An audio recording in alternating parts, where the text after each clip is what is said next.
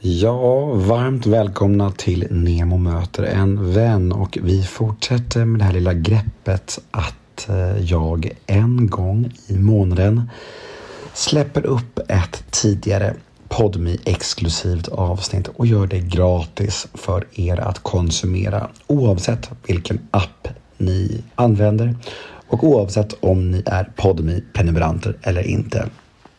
Och denna månads avsnitt är mitt möte med den fantastiska och oefterhärmlige Ken Ring som jag träffade i våras. Och ja, jag vågar utlova podcastguld. Detta är ett riktigt kanonavsnitt. Men om ni vill komma åt eh, alla mina avsnitt, ja, då vet ni ju att de vanligtvis ligger hos Podmi exklusivt och reklamfritt.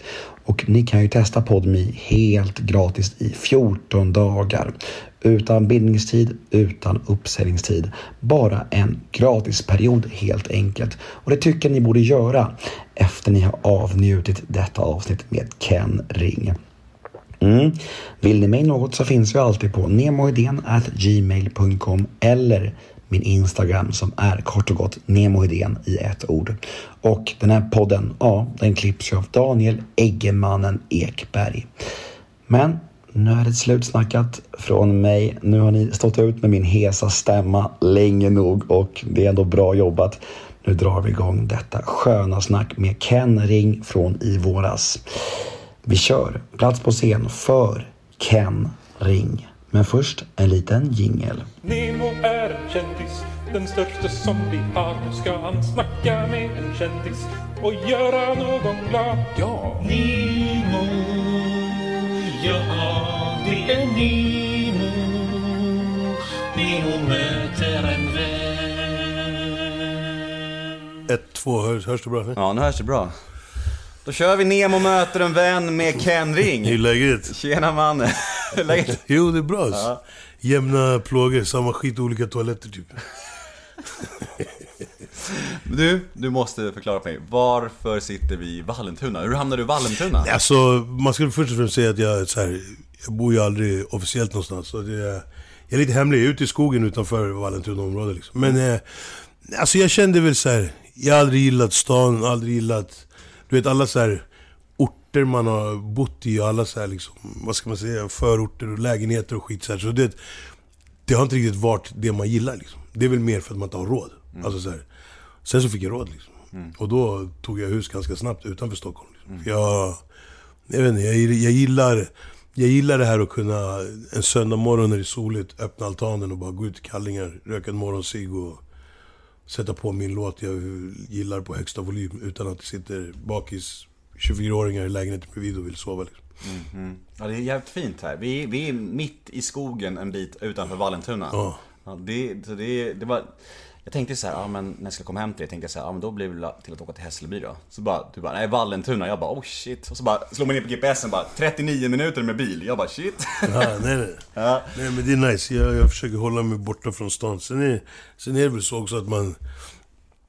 Alltså någonstans så vill inte jag... Jag vill ge barnen också så här. Alltså en del av naturen på något sätt. Alltså så här, även, även fast inte vi går i skogen varje dag liksom. Men, men, att, men att ändå kunna ge dem så här. Ja men du vet, träd och skog och liksom, du vet. För alltså, allt, allt med bostadshus, det är ju någonting som människan har byggt upp. Alltså det är någonting som vi har byggt upp. Men naturen, det är ju någonting som, som liksom, du vet, Gud har skapat kan man väl säga. Liksom. Och då, då känner väl jag att bara, jag vill ge dem liksom mer än det de får hos sina mammor. Liksom. Mm. Innan vi satte, på mikrofonerna här så pratade vi lite om faderskap och, och att vi båda är pappor och så här. Och, och, och då drog jag till med eh, vad jag trodde var sanningen, att du hade sex barn. Men då sa du att du numera har sju barn. Nej alltså det, det är en, eh, det är en vad fan pågår? Nej alltså det, man kan säga så här. okej nu får du ett, jävligt stort scoop. Men eh, man kan säga som så, jag... Eh, jag hade, jag fick, jag hade, jag, jag okej nu, ska, nu ska jag vara ärlig istället. Var ärlig nu. Var ärlig nu. Vet du, jag, var, jag var på en jävligt, en riksfylla nere i Kenya liksom. Och jag och min eh, chaufför, jag ligger i, en, i ett hotellrum med en jävligt så vit säng typ så här, och det kändes jävligt vitt allting liksom. När var det här? Det här var nu i julas, Aha. i, i december. Och så ligger jag i, ligger i den hotellsängen och sen så bara, så tar jag en bild. Och så går jag in på Twitter och så skriver jag så här, ligger döendes corona. Be för mig eller be för min död, typ. Skriver jag så här. Något sånt. Och det var egentligen bara ett fylleskämt. Alltså så här. Sen så fattade inte jag, jag trodde ju Twitter var typ död. Så, här, så jag fattade inte. Men nu i efterhand så inser jag att det är bara så här trendiga jävla kulturmänniskor som sitter på Twitter. Men, men eh, då, då bara vaknar jag på morgonen. Och då bara tittar jag i min lur och så bara är det så här, ja men du vet, tusen notiser liksom. Från alla möjliga håll liksom. Du vet, hundra WhatsApp-meddelanden, 50 sms och bara du vet. Fullt ös du vet. Folk jag inte har hört av på så här, tio år hade messat och bara. Jag har hört att du ligger döende, jag har hört att du är sjuk och bara så här. Jag bara shit vad har jag gjort liksom, du vet. Så här. Och, och eh, Sen vet inte jag riktigt hur jag ska så här, komma ur det här. För jag inser också att det är ett jävligt dåligt skämt liksom. Alltså så här, För det är ju, alltså min familj sitter ju och gråter hemma liksom så här, och du vet. Så, jag, så de tror, alla tror att jag ligger för döden i ett så här isoleringsrum i Nairobi Hospital typ. Och hur ska man... Sen så, så jag ringer till, eller jag messar till alla mina nära och kära så här, typ, alltså mina barn, min familj, alla nära bara. Nej alltså sorry, det är inte, jag ligger inte döendes eller någonting. Och sen så, så börjar tidningarna höra av sig. Så du vet, så Aftonbladet ringer, Expressen ringer, DN ringer, DN, allihopa, SVT, Sveriges Radio, allihopa liksom. Hela jävla etablissemanget hör av sig till mig. Och då är jag så här: okej okay, nu, nu helt plötsligt så har jag så här tabloids på det också. Och då kommer det bli ännu värre liksom. Då kommer ju hela jävla Sverige. Så jag sa okej okay, shit, jag måste, jag måste fixa till det här på något sätt. fan gör jag liksom? Och då helt plötsligt så hör en, eh, hör en, hör en tjej av sig så här, bara Tja, du eh, kommer ihåg för typ så 18 år sedan? Jag bara, ah, vadå? Då hade vi haft någon så här hel helg med jävligt mycket destruktivitet liksom. Jag och hon. Så här. Eller två helger i rad kanske det var till och med. Men, och så bara, men jag hörde att du ligger för dödsbädden så här. Och då hade inte jag riktigt bestämt mig hur jag skulle liksom så här, hur jag skulle facea det här skämtet som jag hade dragit med min chaufför på ett hotellrum i Kenya liksom. Så jag... Ska jag vara döende eller, eller inte döende? Så jag bara... Ja, jag är rätt sjuk typ, skriver jag så här. Punkt bara. Och då skriver hon tillbaka bara, ja, jag vill bara... Jag vill bara att du ska veta, jag kan inte låta dig dö utan att veta om det här. Jag fick ett barn med dig. Så här. Här är din 17-åriga dotter. Jag bara, va? Jag bara, shit. Och då insåg jag att skämtet hade så här, gått jävligt långt. Liksom, så, mm. så jag ligger där och helt plötsligt så får jag ett barn. Liksom, så här. Det är en 17-årig tjej som har bott i Stockholm hela sitt liv och så här, inte vetat om, hon vet inte om att jag, att jag är hennes pappa. Det är bara, här är bara hennes mamma som säger till mig. Och så har hon en, en, en pappa som tror. För hon var ju med en snubbe när hon träffade mig. Mm. Och de har ju varit gifta sedan dess liksom. Mm. Så, så det finns en snubbe då som tror att han är pappa till det här barnet liksom. Men alltid undrar varför hon är annorlunda och ser lite annorlunda ut och har lite bred näsa och du vet, lite så här stora läppar liksom. Men, eh, nej men så jag fick en dotter på jul så här. Sen så tillät mamman mig att kontakta henne, så vi har fått kontakt så här och nu har vi varit i London ihop och... Även så här. Men eh, det var, det var så här jävligt Och sen efter, det sjukaste med hela historien, okay, det, det, där är, det där är, är det ju sjukaste, men, men det näst sjukaste, det är typ att efter det här så tror min chaufför att det här fortfarande är ett skämt. Så vi har en till fest den kvällen. Och då blir vi jävligt sentimentala istället över det här liksom att jag har fått barn och börjar liksom få kolla bilder på henne och så här, du vet, sitter och, och typ sörjkrökar istället så här, för, att, för att liksom... Och då bara... Och då, det, det är så sjukt, så då, då, då är min chaufför, då, då tror han att han ska så här, fortsätta vara rolig med mig. En kenyan, äldre gubbe liksom. För då har tidningarna kontaktat han. Så då håller han en intervju med media. Så här, och, och säger typ så här, bara, jag står och tittar på Kevin genom ett, så här, ett litet fönster och vi tror inte han kommer klara det här och hit och dit och liksom etc. etc. Och bara dra på och tycker det här är skitroligt liksom. Kan kasta ved på elden liksom. Ja, men bara kör och bara kör ja. du vet. Och då blir jag så här. Sen dagen efter ska jag flyga hem till Sverige. Och då, och då är jag så här, då har jag insett så här, shit, jag, måste ju liksom dementera allt det här på något sätt. Någonting. Så jag går ut och skriver bara allt är okej, okay, så här, allt är lugnt och allting så här. Sen, jag ska flyga på kvällen vid sju, sen vid typ vid lunchtid så drar jag, är jag på en massage, för jag har så ont i ryggen. Så jag sitter och ligger på en massage där nere. Och sen när jag, när jag ligger där så känner jag hur bara så här, fan jag mår inte så jävla bra du vet. Alltså kroppen börjar göra ont i så hela kroppen och så allting. Jag bara, fan. Så jag går ut och då sitter då är min chaufför där, han är bakis och han har krökat i två dygn liksom. Så han sitter bara ah, shit förlåt och Ken. Eh, jag visste inte det här. För nu är, nu är det ju liksom så här Aftonbladets första sida och bara hela Sverige, alla bara ringer. Folk messar. Min chaufför har ju haft samma kille i så här 20 år.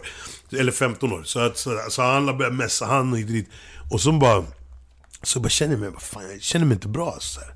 Han bara, men fan du måste ta flyget ikväll och vi håller på och packar och så hit och dit. Så jag bara okej shit, jag bara okej fan. Så bara känner jag, bara, fan jag är sjuk alltså. alltså. Och då så började jag bara, fan man kommer inte komma på flyget om man är sjuk. Du vet, så här, i de här tiderna liksom. Alla jävla mätkontroller överallt. Så, här.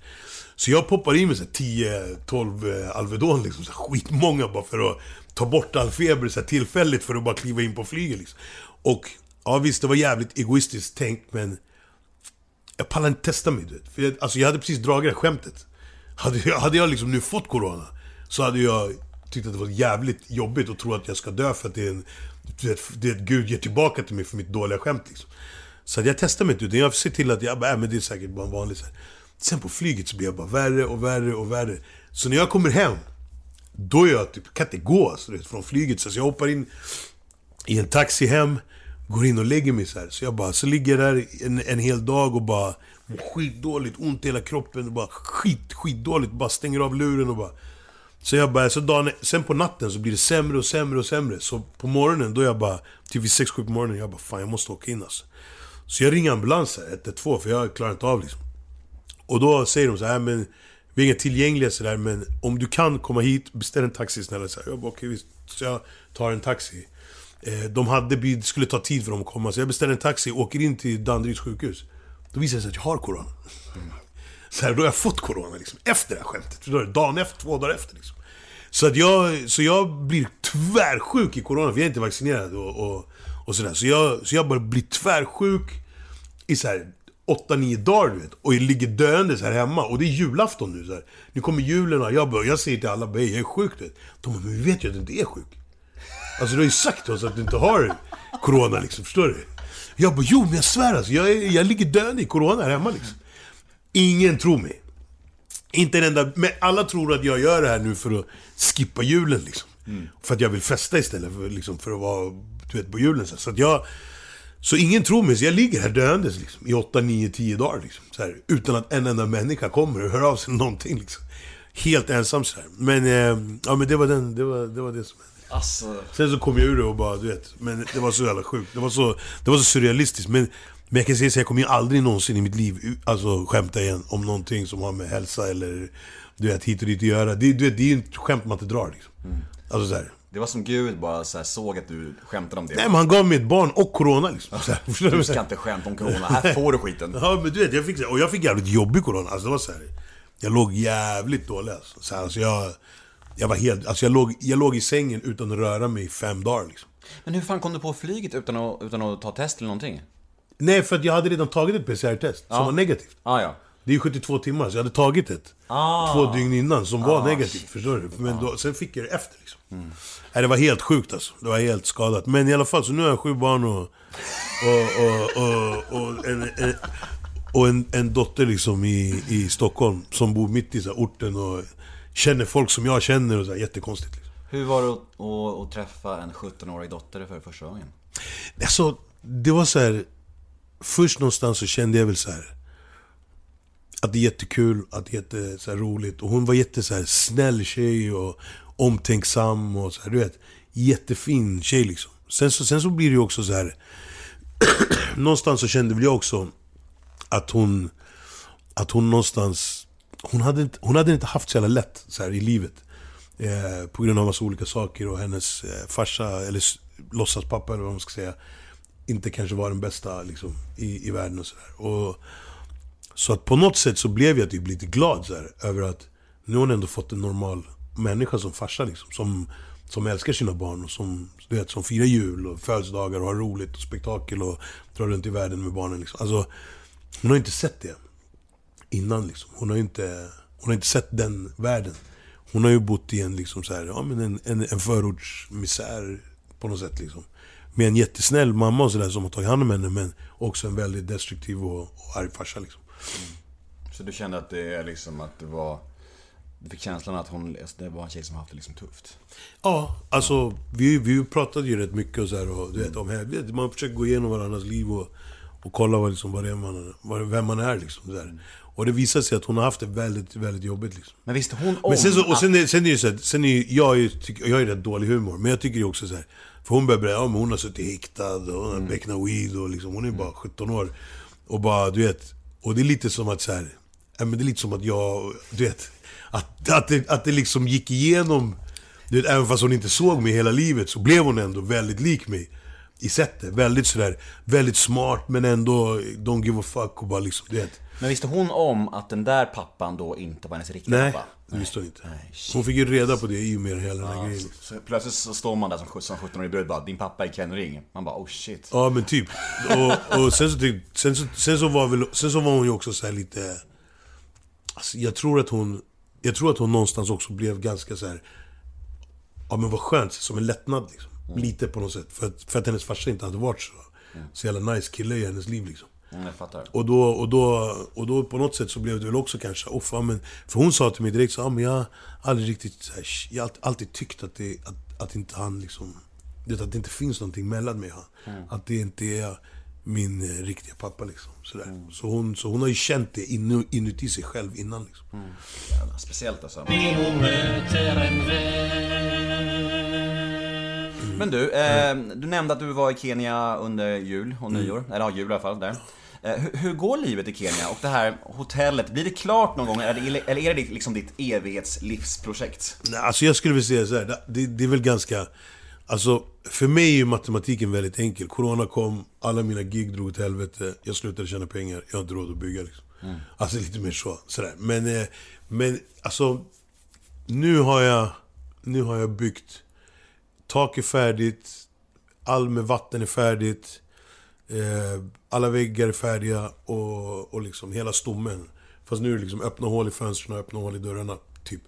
Så att det som är kvar det är så här dörrkarmar, fönsterkarmar, kakla, du vet, sätta du vet, finishingen på allting. Men själva, hela grunden är klar liksom. Men, eh, men sen är det ju så här också att, alltså jag är lite så här.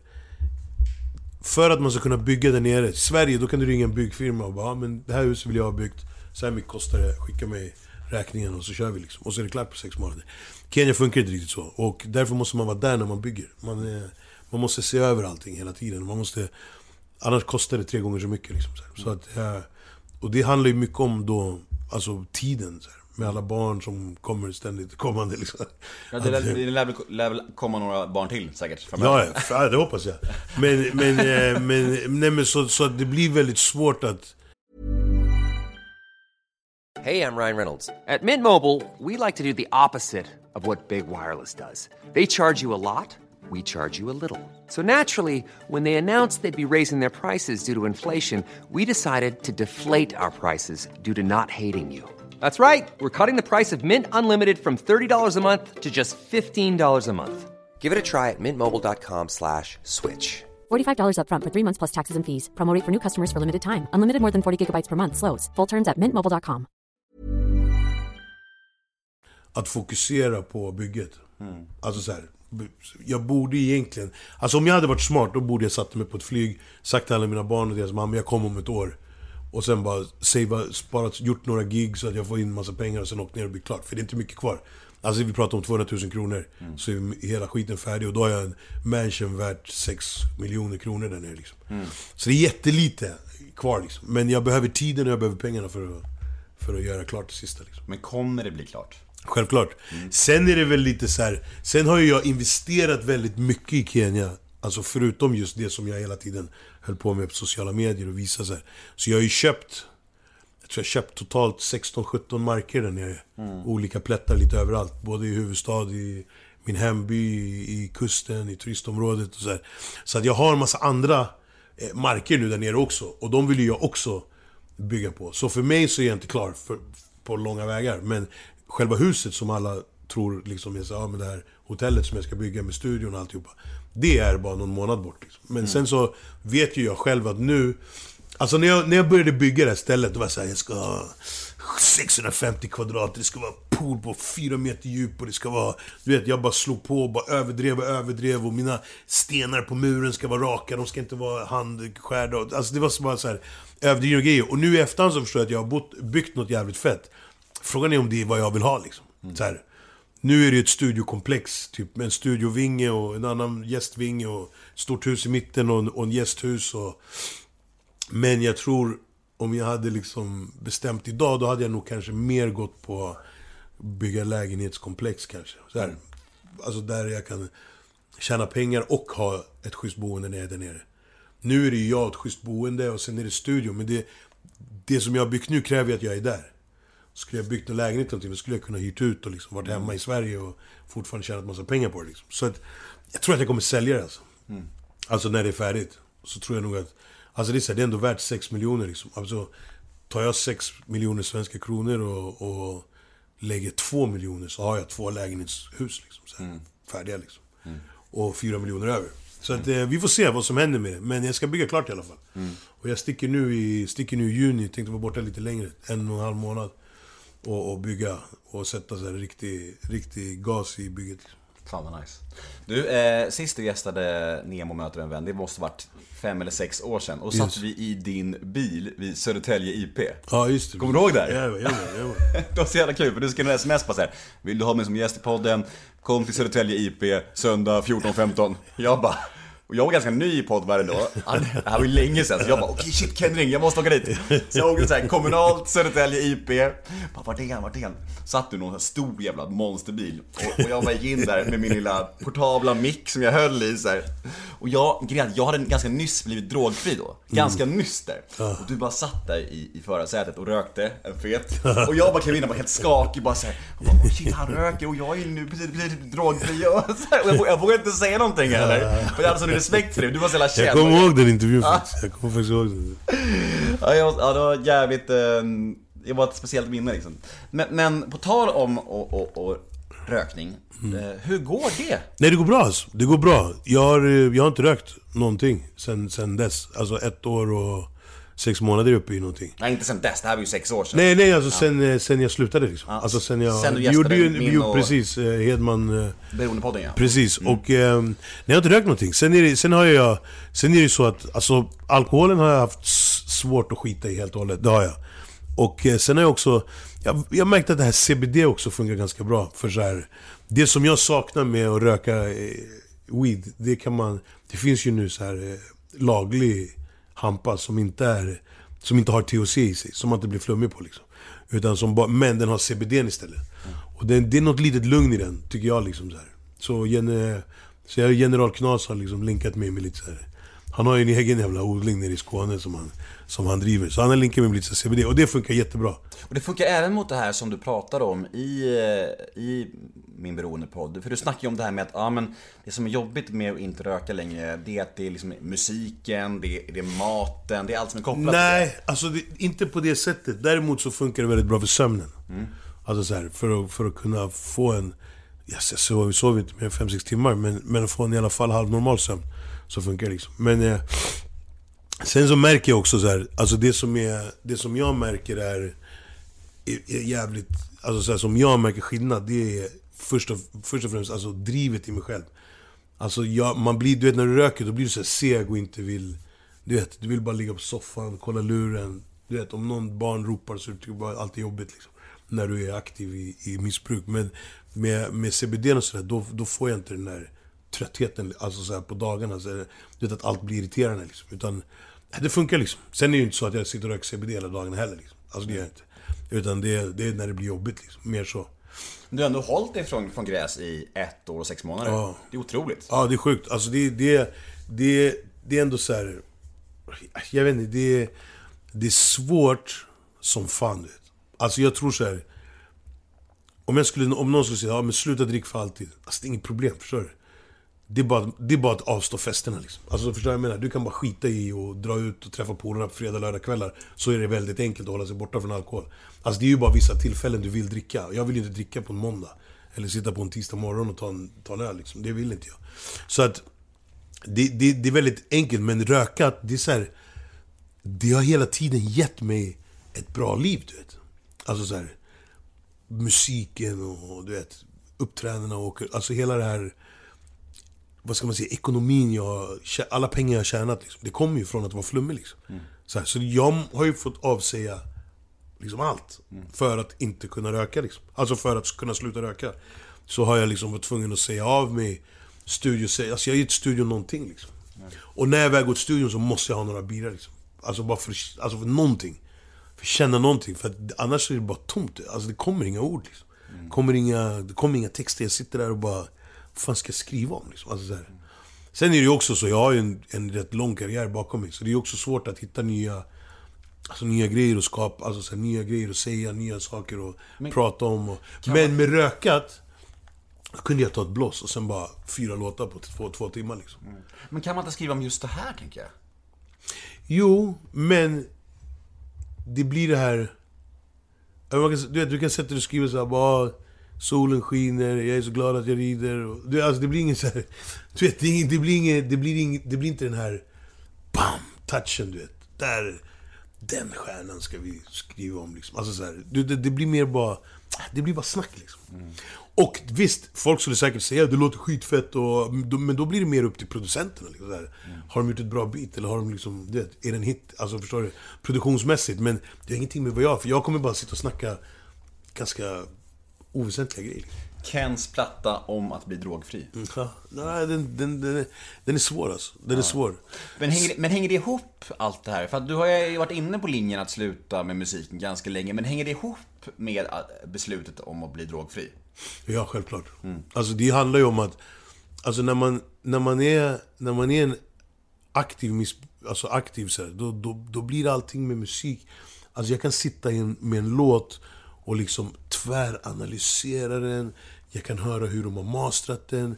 Jag kan höra om det är ett litet pianoslag som är lite för högt. Jag kan höra om hi-haten smyger på lite för lite i introt. Eller, alltså förstår du? vad Jag, jag hör, alltså man hör så mycket detaljer. Det är nästan som att man liksom... Som att man, alltså man, man liksom... Ett pussel som inte är ihopsatt liksom. Förstår du vad jag menar? Och då är det helt plötsligt tusen bilder du ska titta på. Och tusen bilder du ska analysera, men du får inte sätta ihop dem. Men du har allihopa där i huvudet på något sätt liksom.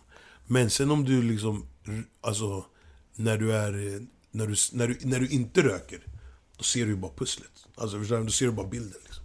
Då, och, då, och då kan du inte riktigt skriva om det. Alltså så här, du kan inte riktigt gå in i det på samma sätt. Och de gångerna som jag har spelat in senaste tiden, då är det så här, det blir inte, det blir inte nice liksom. Alltså så här, jag får inte den där gåshudsmusiken som, som jag skapade när jag var aktiv rökare. Liksom. Alltså det händer inte. Och sen så var jag tvungen att ta en, alltså tog jag en rejäl fylla. Och då blev det bra liksom. Inte det bästa jag gjort, men det blev bra liksom. Och så råkar du även lägga upp lite tweets också. Ja, typ. men, nej, men, så, men det är svårt. Alltså, det, är inte, det, är inte, det, är inte en, det är inte enkelt att sluta röka. För att röka är inte direkt någonting som dödar ditt liv. Alltså, så här, det gör det lite segare och det gör det lite så här, du vet, lite mer tankspridd och hit och dit sådär. Men det är inte... Sen finns ju, alltså sen är det ju olika från människa till människa. Vissa människor, du vet, får psykos och hamnar på psyket resten av livet så här, för att röka. Men medan vissa kan röka, du vet, jamaikanerna som röker 100 gram om dagen och känner ingenting. Liksom. Alltså, det är ju individuellt också liksom. Men för mig så, så kom kreativa processen dör när man inte röker. Liksom. Mm. På tal om din musikkarriär, det känns ju som att du har varit lite ambivalent huruvida du ska lägga ner den eller inte. Att, och, och, och, och min känsla angående det är att det mycket är en ekonomisk fråga för dig. Ja, alltså man kan säga så här. Jag har alltid egentligen sagt samma sak. Så här. Alltså i, i mig själv liksom så här. Och, och sen har jag kablat ut det på olika sätt så här, och hit och dit. Och det gör ju folk lite confused med. Så här, ja, men, men det jag har sagt till mig själv, det är att jag ska... Jag ska göra mitt sista album.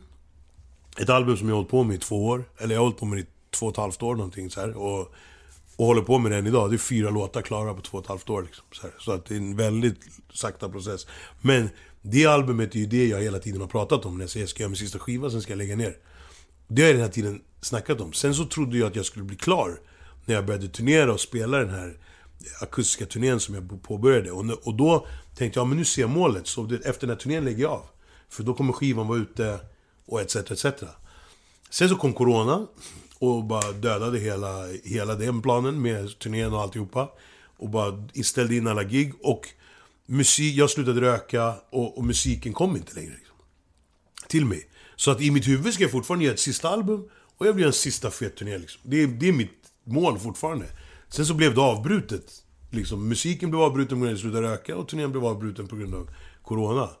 Men jag är ju fortfarande i tankarna att jag ska lägga ner sen. Liksom. Ja, det, det, det, det är så jävla... Det måste vara så jävla bisarrt för er artister med Corona. Fan, det är svårt att greppa för oss. Alltså jag, jag, jag kommer ihåg, jag bara säga, jag, bara, jag kommer ihåg, jag, jag, jag var i Kenya. Det var en eh, torsdag kväll, kommer jag ihåg. Och eh, jag tror att, alltså, om jag minns rätt, jag tror att det var en torsdag, jag kommer inte ihåg exakt dag. Men, och sen så kom det, sen skulle jag precis gå och flyga och på dagen kom presskonferensen. När de stängde hela, hela allting över 50 personer. Och då hade jag gig fredag, lördag, söndag. Och sen hade jag så varje helg framåt 27, 28 gig slutsålda med någonstans runt 100 till 150 000 i vinst per gig liksom. Så det är, vi pratar 3 miljoner kronor liksom. När jag landade hemma i Stockholm och skulle åka på mitt första gig, då var allt inställt. Och jag satt där och då hade jag liksom skjutit fram massa skatter, jag hade skjutit, alltså du vet man har ju, jag hade ju räknat med att, att de här pengarna skulle in liksom. Så allt, hela min ekonomiska, alltså allt jag hade planerat i mitt liv, bygget i Kenya, barnen, alltså du vet, sommaren, allt. Bara försvann på 10 timmar liksom. Vad fan gör man då? Nej alltså jag, jag satte mig Jag satte mig i, i jag kommer ihåg, jag, ihåg, jag kom hem, det var fredag, allt var inställt Och så var det, jag hade ju, jag skulle inte ha barnen sådär eftersom jag skulle egentligen vara och spela Så jag att jag satt bara i, i vardagsrummet så här, en hel kväll och bara tittade i taket så här. Och bara tänkte så här: vad fan gör jag nu? Du vet? Alltså så här, vad fan gör jag? Alltså, jag har ingenting. På mitt konto var det så här 450 spänn. Liksom jag klarar mig till söndag liksom. Alltså där. Jag bara, vad fan gör jag? Jag bara låg och tänkte och tänkte och tänkte och tänkte, titta i taket och bara... Sen så bara, så bara satt jag och kollade i väggarna, glömma, och så bara... Så, fick, så uppenbarade sig en idé som jag hade haft. Så jag startade ett företag som, eh, från att titta på mina väggar. Sen, sen har vi kanske inte gått i, i gått, gått, vi har inte gått ut officiellt med att jag äger det företaget. På grund av att folk inte ska veta att jag ligger bakom det företaget. Men eh, vi, vi liksom, vi, vi, vi, vi, du gör dem där som du ser där på väggarna liksom. Nu vill jag inte säga vad det är, för det, det får inte komma ut. Men, eh, ja, men det här, det här, det som du ser där liksom.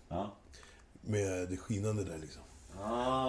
Och, och, och då bara såg jag så här, och jag bara, men vad fan, jag kan ju göra fetare grejer än vad någon någonsin har gjort i branschen. Så vi startade en företag på det liksom. Och eh, idag har vi omsatt 6,5 miljoner på första ett och ett halvt åren. Så, här. så det blev min, lite min räddning i det hela liksom. Men jag bara satt och bara brainstormade hemma liksom. Kom på en idé, ringde runt till några polare som jag visste hade lite koll på grejer och sen så startade vi en business. Och sen så och sen, så, och sen så, så sålde jag huset. Jag sålde mitt hus som jag hade. Hur nyfikna tror du lyssnarna blir nu när vi pratar sådär om dina väggar? Jo men det får de bli. Men, eh, men det får de bli. Men, nej, men så, och sen så sålde jag mitt hus. Tog vinsten på det. Och, och bara överlevde ett år framåt liksom. Och, och, och bara jobbade sönder mig själv. Och dök in i fotbollen jävligt hårt också. Ja, vi kommer till fotbollen. Ja, nej men för, så, så det var lite så här. Alltså det var lite så här. Det var, alltså det var jävligt jobbigt, för också vissa spelningar, alltså inte alla, men vissa av giggen hade jag bokat själv. Så här, hyrt venue, lagt upp biljettförsäljning och fått försäljning på biljetterna. Och självklart slösat pengarna. För att jag trodde det kom 26 gig till. Så, så det var ju liksom, det var ju så här. Det var jävligt jobbigt. Och så fick man flytta fram och flytta fram och flytta... Och du vet, det kom ju nya besked. Kom nu, jag vet inte om du kommer ihåg den tiden. Det kom ju bara så här. Nu är det 50, nu är det 25. Nu får det vara 100 personer sittandes med två meter mellanrum. Och jag var ju... Jag hade ju bara teatrar, sittandes publik. Så att hela tiden så var okej, så började vi ta du vet, måttband, okej det måste vara en och en halv meter mellan. Kolla hur långt är det på era stora? Då fanns det, jag tror det fanns en teater som hade så här längre mellanrum typ så här, mellan stolarna. Så där fick jag in rätt mycket folk. Så då körde vi på det giget bara. Och det levde jag på lite sen också. Men, nej det var så jävla... Det var så jävla, det var så jävla konst, det var så jävla absurd situation. Och sen så tycker jag så här, när det kom till hjälpen som man kunde få, så var ju det så här statliga stöden som, de som skulle komma till en. Det var ju inga, det var ju inga musiker som fick dem liksom. Alltså så här, de som fick dem, det var ju alla med ordnad ekonomi. Alltså förstår du? För det fanns ett kriterium som ingen någonsin gick ut med. Ganska, ganska, alltså så här, och som ingen gick ut med i media. Och det var ju att om du, har, om du eller ditt företag någonsin har haft en skatteskuld så, får inte, så blir du automatiskt nekad till stödet. Liksom. Eller har någon liggande skatteskuld. Och så gick jag in på mitt bolag och då låg det så här, ja men 4 och 9 som jag hade glömt betala. Liksom. Och för det blev jag nekad stöd. Liksom. Mm. Så här. Och då hade jag förlorat 3 miljoner. Så här. Och, då, och, då, och då blir man så här. Så stöden gick ju till alla de här, du vet, så här, ja men... Det är någon jävla stadsteater i någon stad någonstans på landet. För att de har en ekonomiavdelning som har skött allt till punkt och pricko liksom. Så alla de. Men alla jag kände så här pianister som bara krökar och inte vet ens var deras företagspengar ligger. Alltså de, alla de var ju körda. Liksom. Ingen av dem fick stöd. Liksom. Ni som behövde det mest fick Ja, fick ingen av oss fick liksom. De som fick, det var ju de som hade fett med pengar liksom. Ja. Tyvärr. Men ja, nej men det var konstigt, det var så absurt du vet. Jag- Alltså, sen också känslan. Men sen så är jag en sån här människa, jag är tur att jag är den jag är i den här situationen. För jag blir så här, jag blir nästan hungrig. Alltså så här, av att hamna på noll, av att inte ha någonting. Då blir jag driven istället. Då blir det så, okej nu ska jag tjäna pengar liksom. Sen skit jag i vad det är, men jag ska komma på någonting som gör fett med deg liksom. Och, och jag är en sån människa, och jag blir nästan så här hungrig av att inte ha någonting. Det är likadant som när jag skriver musik, då är jag såhär, när jag är punk, det är bästa, då bästa låtarna kommer liksom. Ryan Reynolds här från Mint Mobile. Med priset på nästan allt som går upp under inflationen, trodde vi att vi skulle bring våra priser down. So to help us, we brought in a reverse auctioneer, which is apparently a thing. Mint Mobile unlimited premium wireless. Ready to get 30, 30, bit to get 30, bit to get 20, 20, 20, bit to get 20, 20, bit to get 15, 15, 15, 15 just 15 bucks a month. So, Give it a try at mintmobile.com slash switch. $45 upfront for three months plus taxes and fees. Promo rate for new customers for limited time. Unlimited more than 40 gigabytes per month. Slows. Full terms at mintmobile.com. För att, sådär. Så, men eh, nej, det var jävligt absurt i alla fall. Punk och eh, nerrökt. Ja. Det, det, det är tricket. Men du, ehm, vi, ska snacka, vi ska snacka lite om eh, något som ligger mig varmt om hjärtat nu. Jag ska visa dig mitt bröst här. Ser du om det? Ja, Marshall Matters. yes, Eminem. Ja. För att jag, jag vet ju att du har träffat honom och att du har gjort musik med D12 och det här är så jävla det här är så jävla sjukt för mig för att jag är sån jävla nörd. Så vi måste prata lite om det. Ja, det är lugnt. Ja. Kan du berätta lite om hur det kommer sig att du fick göra musik med D12 och inte minst, hur fan var Eminem? Nej, alltså man kan, man kan säga så här, det, det är en... ehm, det var en... eh, hade, det var en spelning på Okej-dagen. De hade en grej som hette Okej-dagen i Stockholm för väldigt länge sedan. Och då var Eminem ute på en... eh, han var ute på en sån här promoturné för den här... Då hade precis, skulle, skulle han precis släppa Hi My Name Is. Och då hade han släppt den här Don't Give A Fuck. Du vet. When you see me with two Glocks, with Tupac. du vet, Den där låten. Och då hade, han, då hade han precis släppt den låten. Och, och jag hade ju hört om han för att jag var rap-nörd liksom. Men så skulle han spela på K-dagen jag skulle också spela där. På K-dagen. kommer inte ihåg vem jag skulle spela först, sist eller vad det var liksom. Men, och då vet jag att hela entouragen är där och hit och dit. Och okej, de är ja, de har ju hört att det där är Dr Dre's artist och hit och dit. Så då, alla, jobb, alla folk som jobbar där, de blir väldigt stressade över att att alla liksom, du vet, Ken Ring är där med sin liksom, crew och sen är Eminem där och det är liksom så här, du vet. Och eh, sen kommer jag ihåg att det var en kille, uh, Proof då, han, eh, Eminems eh, bästa vän. Han, eh, jag sa, han satt vid en grej så här, satt i en, utanför, eh, utanför backstagen och bara, och bara såg så här, typ, ja men lite så här, uttråkad ut. För all fokus var ju på Eminem, du han var ju bara backup-rapparen liksom. Och då gick jag, jag bara tjena vad händer? Ja, du vet, det är ni som är med Eminem? Och han bara, ja, jag bara okej. Snackade, så han bara, du, han bara fan. Han vet ju, ingen ska styra röka här i vet, Stockholm, så jag måste blaza liksom. Jag håller på att dö här. Alltså, jag bara, jag bara, det är lugnt vet. Och då hade jag hela kartan på mig. Alltså, jag hade weed, braj, allt på mig liksom. Jag bara, kom det är lugnt. Vi går in bara och rullar liksom. Han bara, nej vi går in i vår, här kommer ingen säga någonting. Det är Eminems grej. Så jag går in i hans backstage och börjar rulla spliff med honom liksom. Och sitter och röker. Och då blir ju, okej, personalen blir ju... De håller ju på och studsar ut ur stolarna liksom. Alltså de är såhär bara shit, Ken Ring håller på och röker på med Eminem. Du, vad fan händer? Du vet, bara, hur ska vi lyckas med det här? Och det är poliser som vaktar och du vet. Så det kommer någon jävla okej brud där bara du Ken, du måste liksom, du måste, här, du måste vara på din backstage, det här är hans och, och då, ser, då märker ju den här Proof då, att, så här, att hon sitter och typ försöker få bort mig så här. Alltså han fattar ju inte svenska men han förstår att det är något på gång Så han bara 'What's up Ken?' Jag bara 'Nej, de vill att jag ska, att jag ska dra du vet för så här. Han bara, då vänder han sig upp till honom. han bara, han 'Hey yo, this nigga is with me, okay?' Så här bara, yes. Så typ kollar upp på henne, okej, okay, så hon blir såhär okej, eh, eh, okej, okej, uh, we talk later. Men drar därifrån liksom. Och då sitter jag och han och blazar där medan Eminem håller på med massa jävla intervjuer och hit och dit och bla bla. Sitter jag och han och röker. Fast Eminem är inte i backstage, han är någon annanstans. Och jag sitter med han själv där. Och blazar. Och sitter jag ja, men så börjar vi snacka bara. du. Och han, han, är, han var jävligt såhär soft människa liksom. Så vi började prata om livet och jag började prata om rapgrejerna här i Sverige. Och det var ju precis när vi alltså, började liksom. Så det hade ju inte ens, det hade ju, jag tror det var på andra albumet eller nåt skit liksom. Det kan, 98 tror jag. 98 var på Okej Dag. Ja men då är, det, då är det precis innan mitt första album. Alltså det är mitt, precis när jag släpper. Ja men då var jag också på turné med de här mamma i så fall, måste det ha varit. liksom. Men, och, och då var det så här, då berättade jag för han om livet i Sverige och du vet, han började snacka om Detroit och hur du vet hela... Och, och det är det som jag tycker är så fett liksom, det är att han... Han liksom börjar prata om så här, du vet, om hela den här 8 Mile-filmen, movementen som de hade byggt där borta med freestyles och hit och dit. Och han var ju någon så här, han var ju jätteengagerad i det där, i Detroits rap, eh, rap life om man säger så. Så vi började snacka och sådär bla bla bla och Sen var han såhär, bara, men du vet, han bara 'Fan du, du är skitsoft, fan kul, du är den enda människan jag har mött på hela turnén' Som är såhär nice liksom, du vet. För alla andra var ju bara Eminem, Eminem, Eminem liksom. Och Proof, han var ju bara den här ghetto-rapparen, backup-rapparen som folk tyckte var jobbiga liksom. Så, att, men jag och han kom skitbra överens, så vi hängde där i typ här, nästan två timmar. Liksom. Jag, en, en, två timmar och bara snackade om livet och så här. Och eh, sen så skulle jag på scen, så vi spelade innan han tror jag, eller jag kommer inte ihåg vem som spelade var. Så vi sa hej då, bla bla. Sen går det ett tag, och då blir Eminem liksom, du vet, världsartist liksom så. Så att, eh, och, och på den tiden så fanns det inte det här, du vet, Facebook och du vet, hit och dit så, så det var bara, men vi ses nog, typ sådär liksom. Sen så kommer de på, då ska de ha en spelning på Cirkus i Stockholm. Och, eh, och då har de en, då har, de, har Eminem en presskonferens där. Innan spelningen. För då är han, så- du vet, då är han megastor. Presskonferens, hela Sveriges mediakår och allting. Och då så, så ska de, så gör de inte och det här är vad jag har hört, sen vet jag inte vad som är, så här, stämmer. Men Proof, han sitter ju liksom så här på sidan, du vet, så här, av Eminem. Så när hela, allt det här är färdigt, då ställer han sig upp. Han bara 'Yo! Anybody know that nigga Ken Ring here?' Och då är det någon jävla så här, du vet, någon journalist som du vet, jag har gjort någon intervju med rätt nyligen eller någonting som bara 'Yeah, I know him' du vet.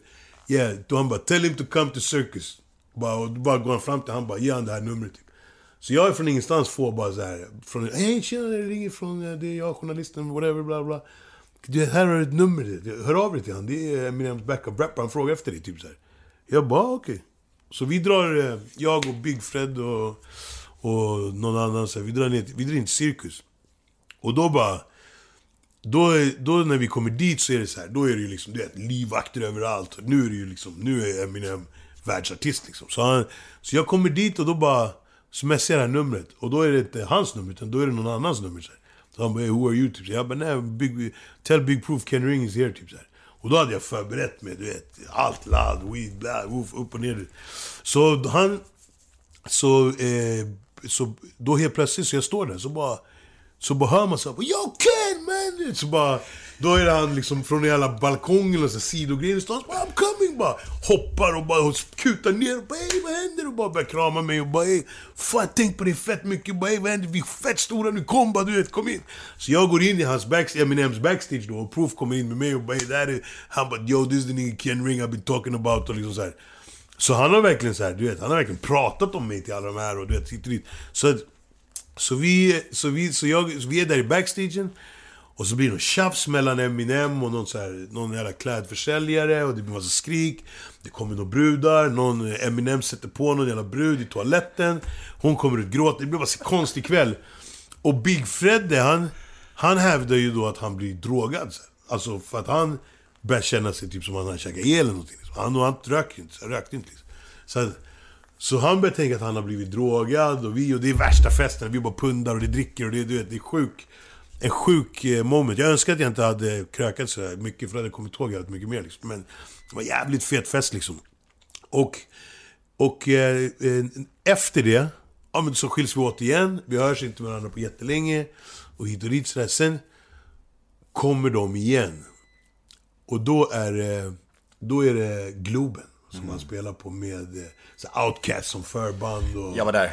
Ja, den, den spelningen liksom. Outcast och Exhibit förband. Ja, precis. Outcast och Exhibit. Och då, den spelningen, då har de så här. Då, då har vi haft kontakt lite så här, genom hans här. Han bara, han bara kom till efterfesten liksom, så här, på Café Opera. Jag bara visst, kommer dit så här. Så jag drar dit med några några polare så här. Sen så bara, så glömmer jag aldrig, då var han så här. Då, då har de liksom spärrat av en sektion för, för Eminems entourage och liksom alla ex Outcast, Exhibit, allihopa liksom. Så jag står där, och så märker jag att jag står där, men jag vill inte vara en sån fanboy du vet. Så jag bara, ah, han får se mig typ. Så tänker jag så här. Du vet, istället för att gå dit och bara 'Hello, hey, du vet, här är mig' som en tönt liksom. Du vet, så, jag, så jag står typ, och jag är nästan självmant så här. Vänder ryggen lite så här. Så att inte jag ska stå och titta på dem så här. Och då hör jag, bara 'Ken!' Så här, du vet, någon skriker liksom. Jag bara, det är han. Så jag bara... "Ken." Och så märker jag, jag står så här och jag jag hör det bakifrån liksom. Då märker jag hur hela jävla, alltså alla som är framför mig, som är på, på stället, hur alla de börjar titta på den som ropar på mig. Förstår du? Men jag känner hur alla blickar på Så jag bara, shit, de står och ropar på Ken liksom. Så här. Du vet, och jag står där. Så alla bara säger Ken, Ken, Ken. Du vet, folk från alla möjliga håll bara, "Hey, Kolla där du. Du bara står prov så här på, på typ-, typ en stol och bara Kid! bara kom in va. Du vet, bara putta bort alla svenska brudar och folk och du vet hit och dit. Och bara du ska sitta här och bara gör boplats för mig och hit och dit och du vet. Fixar och styr och bjuder på allt och bara du vet. Sen blev vi vänner liksom. Och då hade liksom mobileran och allt det här hade kommit och liksom så här. Du vet, man kunde ha kontakt på Facebook etc. etc. Så vi höll kontakt. Sen kom D12 på turné. I, och då spelade de i Finland. I Helsingfors. Och så drog jag dit bara för att... Bara för, han, för han, han bara, men då, hade- då hade jag börjat tänka så okej, nu ska jag få, försöka räcka dem också.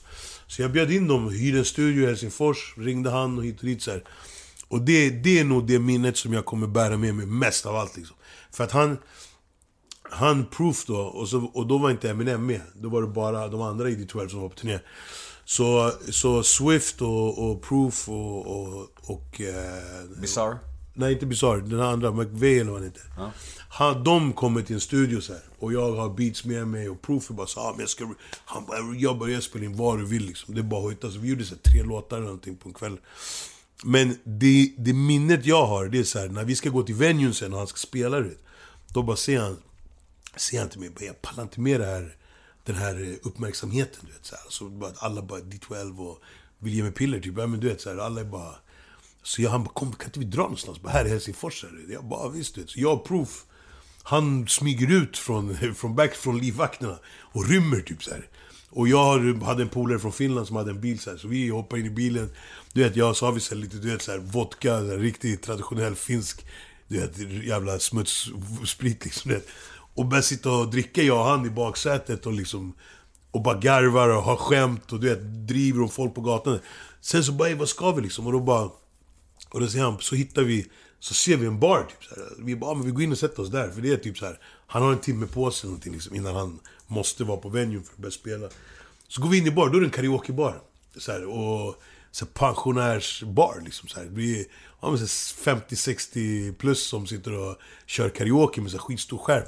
Så han går fram och bara yeah, put Dancing Queen liksom. För, för Kenny är från Sverige liksom. Så han bara kom du vet. Så jag och han kör duett på Dancing Queen på en karaokebar i, i, i Helsingfors liksom. Och ingen istället vet vem, vilka vi är liksom. Så här. Ingen vet vilka, vem vi är överhuvudtaget. Och vi bara kör så här, rygg mot rygg liksom. Dancing Queen, you and me, oh. Du vet, only seven. Så bara jag och han kör. Han kunde hela versen och allting.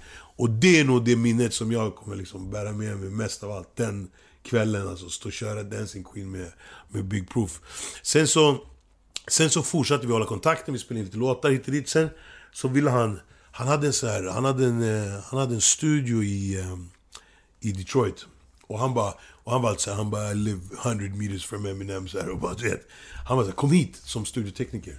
Och, eh, och bjöd dit mig, jag planerade att flytta dit helt och hållet.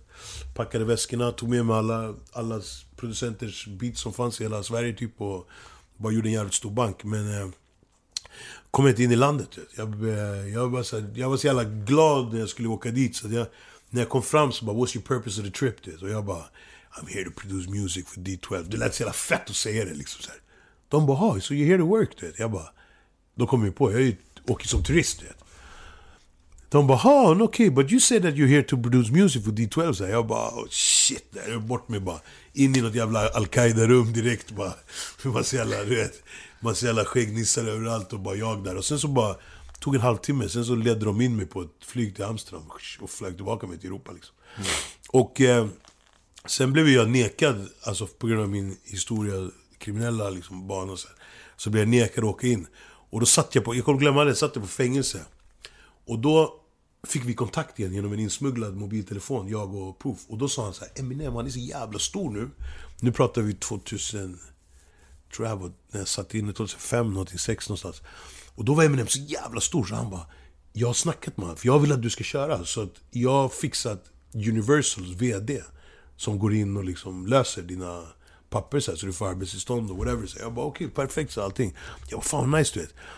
Så jag kommer jag går ut på kåken och det sitter där och alla jävla, du vet, blattar och skit sitter där och snartuggar liksom. Så jag går ut och bara nu är jag klar, du vet grabbar, du vet direkt när jag åker ut, jag kommer att dra till USA, bam bam boom, Eminem, du vet hit och dit. Och sen går det typ, sen går det 6-7 dagar eller någonting och så bara, och så kommer min, grabbarna in i, i min cell och bara, jag är ledsen där du. Men vet du, när du kommer ut därifrån, då ska du tillbaka till samma jävla betong alltså. Jag bara, vad menar ni? Vad snackar ni om? De bara, så bara visar de en, de stod var på SVT så här, fan heter det, text-tv att, eh, ett, eh, vad heter det, att Proof hade blivit skjuten. Till döds. Och där dog allting liksom. Shit alltså. Vilken jävla historia. Ja, det är sjukt. Men, men det är ändå så här, det är ett jävligt, jävligt nice minne att ha med sig i livet liksom. Och det är ett sånt minne som ingen annan... Alltså det är inget minne man kan googla fram direkt. Liksom. Alltså det är inget minne som... Du vet, många andra minnen är så här, ja men... Den där spelningen, så går du på nätet och så finns det en inspelning eller någonting så här. Men det här är verkligen sånt som bara finns i mitt huvud liksom. Ja, det är ingen minne som går att köpa för pengar Nej heller. men precis, så det är jävligt, det, det, det är nice. Och jag, jag vet att, och, och det kändes också jävligt bra för att efter att han dog så, så ring, hörde hans fru av sig till mig. Och eh, skrev så här, hon bara, jag vill bara att du ska veta en sak att alla resor Proof gjorde till Europa, vilket var jävligt många, för de var ju på liksom världsturné två gånger liksom. Men då, när han kom hem, så pratade han alltid om dig. Och att han ville att du skulle flytta in här med oss. Och vara hans liksom, musikstudiosnubbe i Detroit liksom. Och det var ju då när de signade Obi Trice och du vet, när hela... Så att jag skulle ju i princip idag kunna varit en del av liksom 50 och Shady Records. Drace och Shady och hela Aftermath och allting liksom. För de vill ju ha mig där liksom. Så För de som inte vet det då, alltså Proof är ju alltså Eminems bästa och närmsta barndomskompis. De Ja, väx- precis. de växte upp ihop liksom, och, och Hype Man och allting. Så det här är ju, jag får gåshud av det här alltså. Nej men det, och det, och det är lite så, det är en gåshuds historia sådär. Och jag vet att, alltså jag vet att någonstans, någonstans så var det så här. Han som människa, han, han var väldigt annorlunda. Jag har träffat mycket rappare från USA, mycket så folk, men det var någonting med han som, som, han hade någonting som människa som inte många har i branschen liksom. Och jag tror att jag tror att det var det som ju också gjorde att Eminem höll han så nära liksom. För att han var en jävligt äkta kille liksom.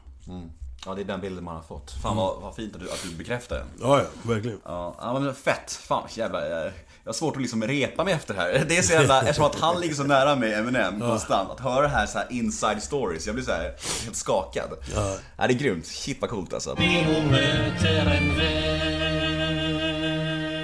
Men du, eh, vi ska leka en liten lek nu som heter associationsleken. Det går ut på att jag säger ett namn eller någonting från ditt liv, din karriär. Och du ska säga vad som kommer till dig när du hör det namnet. Okej. En, bara ett ord eller en mening? Det kan vara vad som helst. Jag kan säga en låt eller ett namn eller vad som helst. Och du ska säga vilka tankar och känslor som kommer till ditt huvud när du hör namnet. Shit. Är du med? Och det kan vara vad som helst. Okej. Första ordet i associationsleken är intervjuer. Bra, det är bra för en, bra att göra, men svårt att välja rätt liksom. Så här. Jag, är, jag tackar nej till väldigt mycket intervjuer. Väldigt mycket. Alltså jag gör tre intervjuer i år liksom. Och det är typ du, så här, SVT och en DN-grej liksom. Nästa ord är ett namn och det är Einar. Einar en... eh, Alltså en... Jag skulle säga en ung... En ung talangfull människa liksom. Och... eh, Jag vet inte. Det är- Jag har svårt... Jag, är så här, Jag har svårt att sätta liksom riktigt så fingret på vad jag känner om hela grejen. Liksom. För att det är tragiskt, men också ganska väntat. Liksom. På något sätt. Hur menar du? Alltså, är man med i leken får man leken tåla lite. Sådär. Alltså, lite. Sen så tycker väl jag visst, ung kille, väldigt tragiskt liksom. Att det händer liksom. Men... Jag vet inte. Någonstans så väljer man väl också kanske vilken väg man går i livet liksom. Någonstans. Ja, det känns som att han eh, ville liksom gärna lyfta att han levde ett liv som han kanske inte riktigt bottnade i. I alla fall inte från början. Alltså, jag vet inte, jag, har inte- jag har inte alls, eh, jag har inte alls eh, så här, insyn i hans... Jag vet inte heller. Så att jag är inte så här, jag, jag känner folk runt han och så här, folk som har växt upp med och sådär. Men han, talangfull, jag träffade han långt innan han blev känd så här, i en lägenhet ute i Bagarmossen liksom. Och hörde han rappa väldigt tidigt, innan han, precis när han skulle släppa sina första grejer. Så här. Men eh, han var snäll liksom. Han var, en vanlig, han var en ganska snäll, god kille liksom. Men... Alltså, Men var han så eh, det tror jag inte. gangster? Nej, det tror jag inte. Däremot så tror jag att han, hans umgänge var väldigt det. Alltså, de runt han var, är, är och var jävligt liksom, hårda killar. Liksom, sådär. Men eh, jag vet inte. Jag, jag vet inte, det är svårt. Jag är inte, jag är inte liksom... Jag är inte den som ska döma eller liksom sådär. Utan, du vet, jag, jag tycker att det är tragiskt. Förlorade en jävligt duktig rappare som var grym på att göra musik. Men eh, som sagt, man väljer väl kanske lite vilken väg man vill gå liksom. Så mycket bättre. Ja, grymt. Ja, så, här. så mycket bättre. Det är jättebra. Jag, tycker, jag, jag älskade Så mycket bättre på grund av kreativitet, kre, kreativa friheten man fick där. Jag fick göra hur jag ville liksom, med musiken och, och allt det där. Sen så vet jag inte. Alltså många säger väl att, att det jag gjorde i Så mycket bättre har inte gjorts igen. Liksom. Säger många som jag känner så här. Eller så här, typ äktheten i, i någonstans. Att det är väldigt plojigt ganska mycket. Där. Man sitter och dricker vin och skålar och, och lyssnar på typ samma låtar fast de lite omgjorda bara. Medan jag kanske la mitt eget liv i, i musiken på ett annat sätt än vad andra kanske har gjort. Och det är, så det, sen är det, det är en av, det är en av de få programmen som jag inte skulle tveka en sekund på att tacka ja till igen. Liksom. Sådär. Vad hände när du skulle tolka Ulf Dageby egentligen? Nej, alltså du vet, det är det som är så sjukt, det är att han... Han var såhär, men det här är ju något, vad är det här för typ så här, Han fattar att- ingenting. Han fattar ingenting. Medans, medans den låten, Barn, har jag fått jättebra feedback från. Av människor som går igenom det jag gick igenom just då liksom. Med vårdnad och dit sådär. Och... Eh, sen är det väl så här, sen är ju, sen är det för mig så blir det också här, Ulf Dageby, han var så här. När jag kom dit, alltså... Han, han dödade sig själv i mina ögon ganska snabbt när vi kom dit liksom. Du vet, han var, Nationalteatern för mig, det är en, en, en, en, en klassisk grej liksom. Du vet, bet- betongens kungar och allt vad det heter, du vet. Och eh, sen så jag kom ut, han bara, men, nej men det där, det var ju bara fan ett skådespeleri liksom. Vi gjorde ju en teater, alltså. det är det inte folk fattar. Vi sket ju i det där, vad det där stod för egentligen. Liksom. Att säga det till mig, det är fel person att säga det till. Alltså. Så han dog ganska snabbt i mina ögon, så att jag bryr mig rätt inte, alltså ingenting vad han tycker om vad jag gjorde. Liksom. Sådär. Nej, jag fattar. Det, det här som jag ska säga nu kan vi ta bort om du vill säga det. Men kommer du ihåg att förra gången vi poddade så pratade vi lite snabbt om att, eh, om att du och Ebbot blazade i podden? Ja. Eller att du är alltså, Så Mycket Bättre. Och sen så ringde du mig efter podden när den släppt och var skitarg på att det kom med. Du bara, för det, var, det blev en artikel om det. Ja. Såhär, Ken Ring och Ebbot blazar Så Mycket Bättre. Nej alltså det, jag kan säga så här, alltså gjorde det, jag kan, jag kan ge ett bättre scoop och så mycket bättre. Alltså, det var, jag hade en så här, ja för nu röker jag inte längre så nu bryr jag mig inte. Men, men jag hade en sån här grej, jag sa typ, jag, först fick jag mina polare skicka röka till mig på posten du vet, inte Så Mycket Bättre. Sen så fick jag, sen så fick jag, alltså produktionen, jag sa till dem så jag bara, jag är från Kenya och i min stam så finns det en tradition du vet. Och det är så här, på morgonen, då mediterar jag. Så här, och sitter och så här ber och ja, du måste göra det varje morgon, en halvtimme ungefär. Och eh, det viktigaste av allt är, det är att ingen tittar på mig. För att om någon tittar på mig, då får jag otur i livet. Så här. Då, man måste vara helt själv. Och ingen får vända sin blick mot en i min, i min tradition. Så att när jag vill rulla min spliff och liksom sitta och blaza, då, då vågar ingen i produktionen titta på mig. Liksom. Så alla går runt och tittar åt andra hållet så här, du vet. Så här, när, jag, när jag sitter ute på gräsplätten och bara röker. Ligger i gräset och bara röker weed liksom. Men eh, ja, det var en annan story. Alltså, du har, du har ju inte få stories. Nej jag alltså. vet, men sen är det ju för att man har levt som en idiot hela tiden. Alltså man har, alltid, jag har ju kört hela vägen, kört fullt ut hela vägen liksom. Det är ju tyvärr så liksom. Men vad fan, det är ju hellre det och ha mycket att berätta om ju. Självklart, självklart. Skitroligt ju. Eh, nästa då, är du med? Yes. Petter. Alltså... Jag vet inte.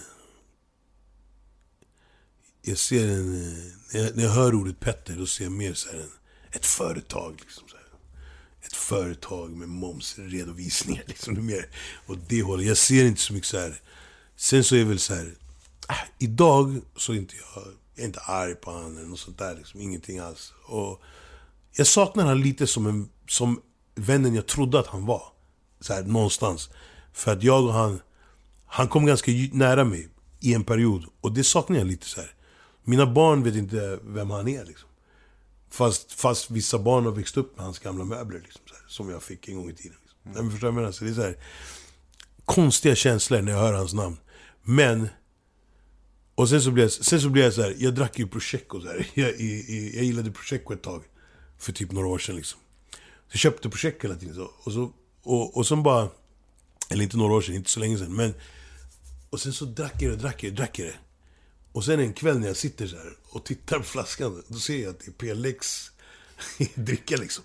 Så jag, så, här, så jag, som jag har köpt så här varje helg i så här, du vet, 6-7 månader. Och det blev jag jävligt irriterad på mig själv. Det.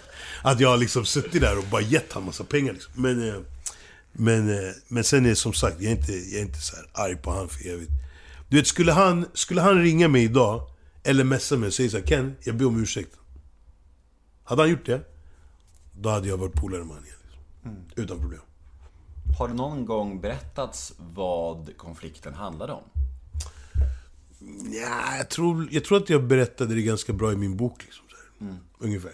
Typ så här, vad jag kände liksom. Så kanske inte har så här, matats ut i så många intervjuer, men, men i min bok står det. Vill du berätta lite kort? Alltså det som hände är ganska kort så här, det är... Jag, jag fick kontakt med en jävla julgala. Jävla cheesy ass plastig julgala liksom. Men bra pengar, så är det ju. Men jävligt bra pengar liksom. Och ehm, vi skulle göra en låt var. Och vi skulle göra det sex kvällar i rad.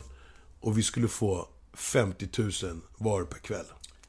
Det var alltså 300 lax liksom, så här, skulle vi få, jag och han.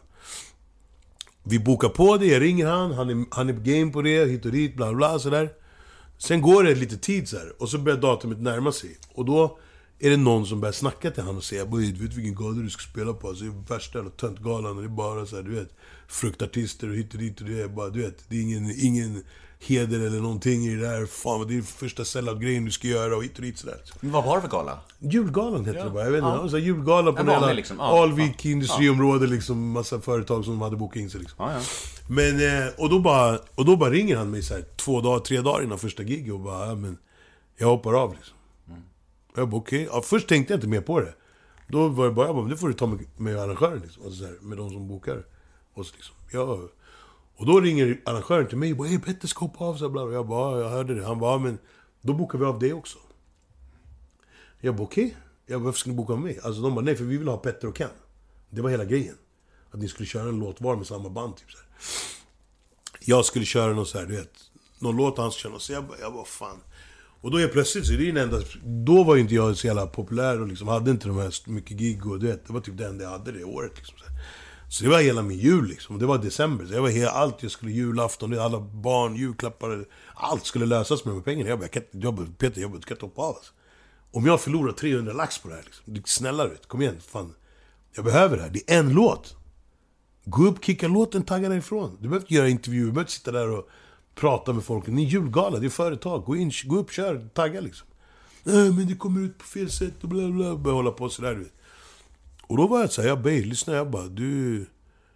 Du, jag bara, du har... Och då hade vi fått 150 var i förskott. Så här, 100, nej, 100 var eller någonting tror jag. Jag kommer inte ihåg exakt summorna, men 100 var. Och då hade vi fått det i förskott, så att då ville de att jag skulle betala tillbaka de pengarna också. Förstår du? Så jag var såhär, jag bara Petter, jag bara jag svär alltså, jag bara, du vi gör den här galan liksom. Alltså du vet, nu börjar jag lacka liksom. Han bara, äh, jag kommer inte göra den hit. Jag bara okej okay, men...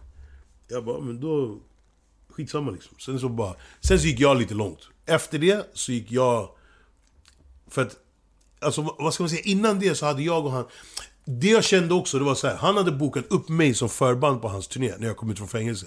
Innan det här. Och när han hade bokat upp mig på hela... Då fick inte jag en krona. Och då hade jag gjort så här, ja, men 25 gig liksom.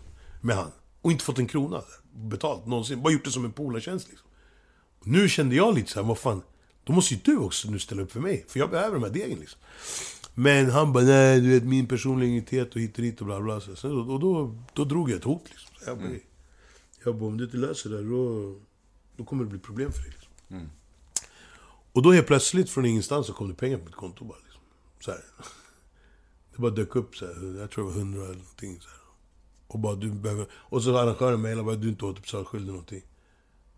Så jag fick typ så här 200 000. Så jag, än idag så vet jag inte om det var han som degade, eller någon här jävla jurist som fixade så att julgalan degade. Alltså jag vet inte hur det var, men jag fick pengar i alla fall. Och eh, sen efter det har vi aldrig mer snackat. Aldrig mer? Nej. Nej. Är du inte nyfiken som fan på vart pengarna kommer ifrån? Jo, det har jag alltid undrat. Men, jag, jag vet också att han, han är en businessman, du vet. Alltså, jag har ju varit på hans bröllop, jag har varit så här, Jag vet vilka, vilket hans, hans umgängeskretsar, det är stora chefer på stora, stora koncerner, företag och dit. Och han gör så mycket med sina viner och det och bla, och du vet, han är ju en business liksom. Så att, jag tror någonstans att det var han som betalade. Men, men, Och jag tror också att han gjorde det för att... Någonstans så vill jag tro att han gjorde det för att jag skulle få en bra jul med mina barn. Inte för att jag hotade honom. Förstår du? Inte för att jag la de orden liksom. Hoppas jag. Någonstans längst inne. Men... Eh, må- många andra säger att han gjorde det för att han blev rädd liksom. men har, hur kan era vägar inte ha korsats någonting? Det är liksom, vad är det, 20 år? 15 år? Vad är det? 15 år, ja. Jag har inte gjort det alltså. sen, är, sen är det ju så att jag är inte så mycket för det här. Alltså jag har sett han liksom. Vi har varit i samma rum om man säger så. Liksom. Det har vi. Och jag har kontakt med hans vänner och Sleepy och jag är på cool och du vet. Känner jättemånga runt han liksom. Ja men exakt, hur, alla, alla, alla era gemensamma vänner, alltså Sleep... Nej, vi, de, de sa ingenting. De, alltså, många tyckte väl att båda hade rätt liksom. Ja. Alltså förstår du? Det är väl typ, tror jag, att många tänkte så här. Ken har rätt på ett sätt, du har rätt på ett sätt. Alltså det är, det är för långt att hota någon liksom. Och skulle han ringt mig idag och sagt så här, men jag ber om ursäkt om det här. Då hade jag bett om ursäkt också. Alltså förstår du? För jag är inte, jag är inte den som ska sitta och spela en jävla maffia liksom. Men, men eh, så jag tror att många tänker så att båda hade rätt någonstans. Jag gick för långt, ja. Men han var också lite keff att bara, du vet. Att ställa in bara för att det inte var kreddigt. Det är ändå 600 000 kronor liksom. För att göra en låt. Alltså, Men tänk om du tar första steget? Ja, fast jag, jag vet inte. Någonstans så känner jag, alltså det här är lite löjligt, någonstans känner jag att det var han som fuckade upp först. Förstår du? Så känner jag. Och då är det han som ska be om ursäkt först. Så känner jag lite. Men, eh, sen, men sen också så är det väl så att, alltså, sen är ju han... Alltså han är inte så, jag är, han är inte så delaktig i mitt liv. Alltså fattar du vad jag menar? Det är inte så att jag går och tänker på det här liksom. Du tänker på det för att vi pratar om det, men det är, annars så tänker jag aldrig på det. Liksom. Jag är bara, det, jag, jag, saknar en vän på något sätt, ja det gör jag liksom. Agentkarriären? Ja, alltså jag är ju inte en eh, licensierad agent. Eftersom jag inte har licensen liksom. Så det jag jobbar som är konsult. Alltså jag rådgiver en agent. Med spelare och, allting. Men det går jättebra alltså. Vi, vi rullar på som fan.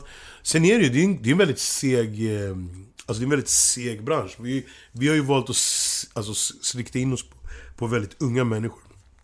Så vi har ju mycket så här 16, 17, 18-åringar liksom. Och de är ju nu på väg att ta klivet upp i seniorfotboll.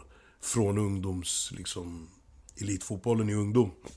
Och det gör också att vår vision av hela den här businessen, det är ju inte så att vi ska sätta Zlatan-kontraktet i sommar liksom. Nej men fattar du vad jag menar? Utan vi, vår vision är ju så här någonstans att bygga spelare och någonstans försöka att de väljer rätt väg för att nå det största liksom.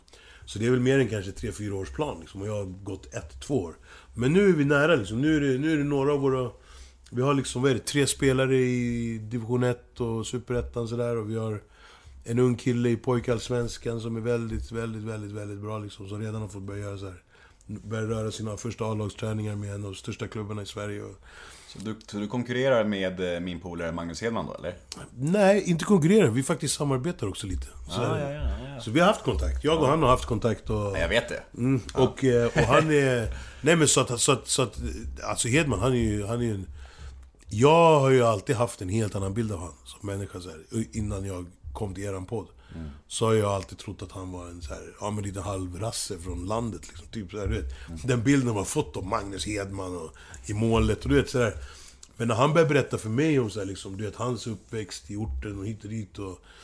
Så känns det som att, jag vet inte, jag tycker att han var en jävligt, jävligt soft människa. Och jag gillar hans, jag gillar hans sätt att tänka liksom. Sen vet jag att han nu är jävligt stressad liksom, för att det är jävligt mycket jobb för honom när han hoppar in i agentbranschen. Men, men, eh, nej, men jag gillar han, jag diggar han. Så jag hoppas att vi kommer kunna jobba på, jobba på mycket saker i framtiden. Mm, hoppas jag också. Ni skulle kunna göra mycket, mycket nice ihop. Ja, det tror Eh, vet du om att vi faktiskt har setts en gång för länge sedan i, eh, på Rhodos? ja, det kan inte ha varit en bra, en bra möte alltså. 2012 tror jag var det. Jag var ju där varje år ett tag. Jag vet, Grabbarna Grus. Ja, Grabbarna du, var Grus. där med, du var där med din son tror jag. Ja. Du gick på bargatan där och brudarna klängde på dig och din son gick bredvid så här. Ja, jag vet. Jag kommer ihåg, jag tog in honom på sin första strippklubb då. Ja. Han var jävligt liten då. Det var så 12, 12 bast eller Jag vet, och det var så sjukt, som att jag kommer ihåg det, dagen efter, alltså när vi typ så här sågs på morgonmöte, vi som sålde biljetter till festerna. Då var det så här, din, ditt, ditt entourage, dina polare, de, de gick på, på, på, på bargatan och letade brudar. För, för att så här, och så sa de så bara, så när de hittade några tjejer så sa de så här, Tjena brudar, vill ni väcka Ken? Som att det var så en grej man kunde få göra, gå upp och väcka Ken. Ja, fast du vet, sen är det så, alltså de där tiderna, uff. du vet. Men, men. Memories. Ja, verkligen. Jag ville avsluta podden med ett lite obekvämt minne. Ja. Du, eh, fan vad härligt det här var. Ja, grymt man. Ja, fint att se dig igen och fint att se att du mår bra och tack för din ärlighet. Det är, det är så jävla kul att intervjua människor som är ärliga. Ja, Man, du vet, man, man, någonstans så måste man, man måste vara ärlig liksom. Sen är det ju så att det finns väl en anledning till att inte man gör så mycket intervjuer liksom. Alltså så här, för det, det är jävligt svårt att vara ärlig utan att det kommer ut fel liksom. Mm, verkligen. Sådär. Ja men tack för din tid mannen. Nu ska jag ta mig ut på en roadtrip tillbaka till Stockholm. Tack själv. Hej då! Ciao, ciao. Nemo är en kändis, den största som vi har. Nu ska han snacka med en kändis och göra någon glad. Ja! Nemo, ja det är Nemo